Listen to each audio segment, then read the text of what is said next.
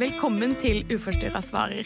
Dette er korte episoder hvor vi svarer på spørsmål og problemstillinger fra dere lyttere. Velkommen i studio igjen, Maria. Takk for det. Ja, i dag så har vi fått et nytt spørsmål fra en lytter som eh, spør om hvordan man kan være der for venner dersom de har en spiseforstyrrelse. Mm. Og det er jo en ganske vanskelig oppgave, egentlig, å vite hvordan man skal være der. Ja, absolutt. Det å plutselig oppleve at noen en står nær, sliter med mat eller har fått en spiseforstyrrelse, det kan jo være veldig skummelt å være vitne til.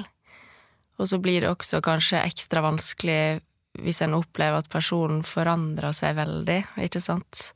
At interessene ikke er de samme lenger, at personen kanskje endrer mye i humør og i oppførsel. Da er jo det veldig forståelig at det kjennes litt vanskelig å være der som normalt. Ja, jeg tror du kommer inn på noe av det som er veldig viktig, det her med frykt. Eh, jeg tror ofte at dersom man har noen nære seg, så er frykt noe av det som blir veldig fremtredende. Man blir redd når man ser at noen har det vondt og vanskelig. Mm. Og det er jo ofte den frykten, hvis man lar den styre, så kan jo den ofte føre til at man virker sint, eller eh, litt sånn på at 'nå må du ta tak i dette her'. Og det kan jo ofte, hvis man møter personen som sliter på den måten, så kan det ofte komme stor motstand. Mm. Ja, for det er jo veldig naturlig å reagere med kanskje kommentarer som Oi, hvorfor eter du så lite, eller du trener altfor mye, at den fort blir kanskje litt anklagende, og det er jo kun fordi en mener det er godt at en blir bekymra, som du sier, men for den andre så kan jo det oppleves veldig invaderende, at de da kanskje trekker seg litt mer vekk. Mm. Mm. Og det er jo derfor vi også anbefaler, ikke sant, hvis du står nær noen, hvis du har en bestevenn som har en spiseforstyrrelse, så er det jo veldig viktig at man snakker med noen. Mm. Sånn at de der voldsomme følelsene av frykt, tristhet eller hva det nå enn måtte være, at man får lov til å på en måte få, få pusta ut litt og fått ut litt sånn eh, frustrasjon, eh, sånn at man kanskje slipper å ha den eh, i frontlappen når man møter personen, da. Mm. Ja, det tenker jeg gjelder for alle, for vi er jo kanskje flinke til å spesielt snakke om det når det gjelder barn og unge, at hvis en da er bekymra, at en må snakke med noen og ikke stå alene om det.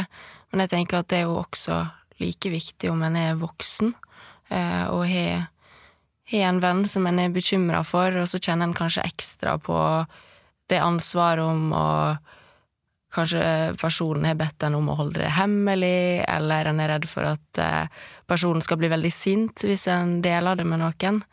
Men der tenker jeg jo at det går jo også an å snakke med noen uten å fortelle hvem det gjelder, ikke sant? At en Mm. kan ehm, ikke nevne navn og, og andre kjennetegn, men at det uansett er veldig viktig at en får lufta den bekymringa. Mm. Og frustrasjonen, som du sier, ikke minst. Ja, for jeg tror ofte at man kommer litt i den skvisen der, at kanskje personen det gjelder, rett og slett ikke vil at man skal si det videre.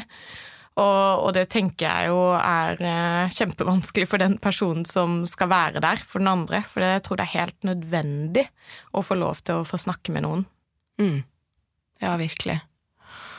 Og så er jo vi veldig ofte inne på det her med at prøv å være så normal som mulig. Altså, jeg forstår jo veldig godt at det kanskje ikke er så enkelt når alt annet plutselig er blitt så unormalt, men for den som er sjuk, så tror i hvert fall jeg at det å få ha så mye normalitet rundt seg som mulig, er kanskje den beste støtta en kan gi. Eh, prøve å snakke om de samme tinga som før, oppfordre til å gjøre noen av de samme tinga som før, og ha minst mulig fokus på mat og kropp og samtaler rundt det. For det er jo ikke en venn si oppgave i utgangspunktet å skulle passe på det eller følge veldig med på det. Men øh, øh, Og hvis en kjenner på situasjoner der en er nødt til å ta det opp eller snakke om det, at en da prøver å gjøre det når det ikke stormer som verst, altså ikke under et måltid eller eh, i andre situasjoner der det kanskje kan bli litt ekstra høy temperatur, da. Mm. Og så tenker jeg at det er så viktig det du sier der med, med normalitet, så langt det lar seg gjøre. For jeg vet liksom at eh, veldig mange kan bli redde for å dele hverdagslige problemer med noen som er syk. Og jeg vet i hvert fall med meg selv at jeg satte veldig pris på når min bestevenninne tok opp et eller annet som hadde skjedd, noe som var vanskelig, eller et eller annet hun uh, syntes var vanskelig på kjærlighetsfronten, hva det enn måtte være, hvis hun hadde noen problemer, så husker jeg at hun alltid lufta de med meg. Selv om jeg var syk. Og det tror jeg er noe som er utrolig viktig. For det, det er viktig å kjenne på at selv om man er syk, at man kan være der for noen.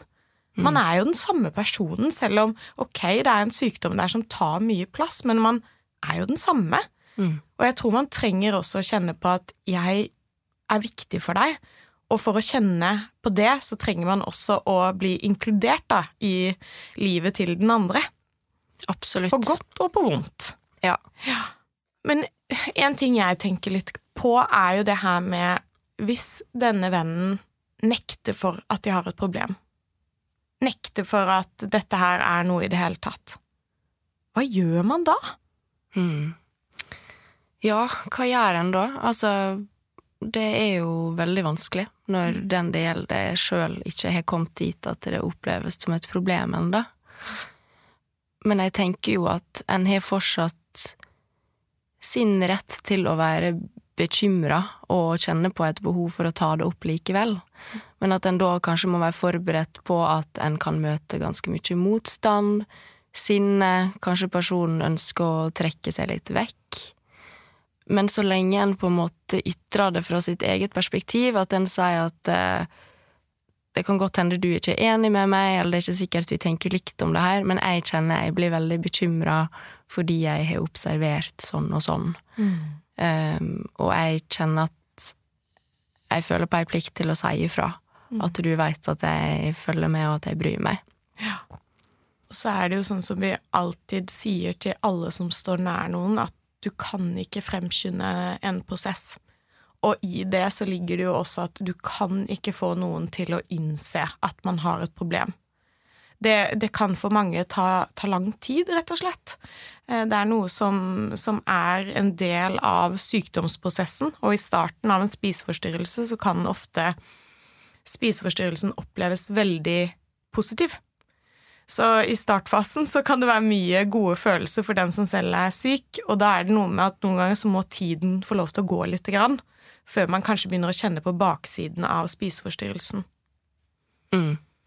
Og det er jo kanskje spesielt i den tida der at det er ekstra viktig for den som står nær, å ha noen andre å snakke med.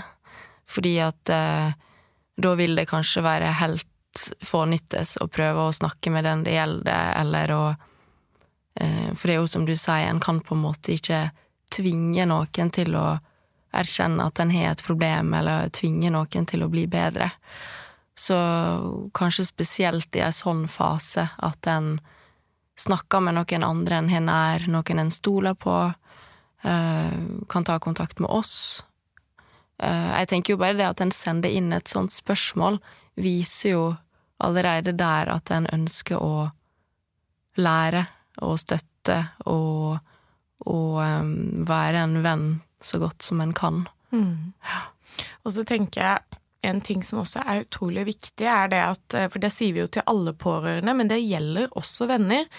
Og det er jo noe med at man skal ikke la den spiseforstyrrelsen få lov til å ta all plass.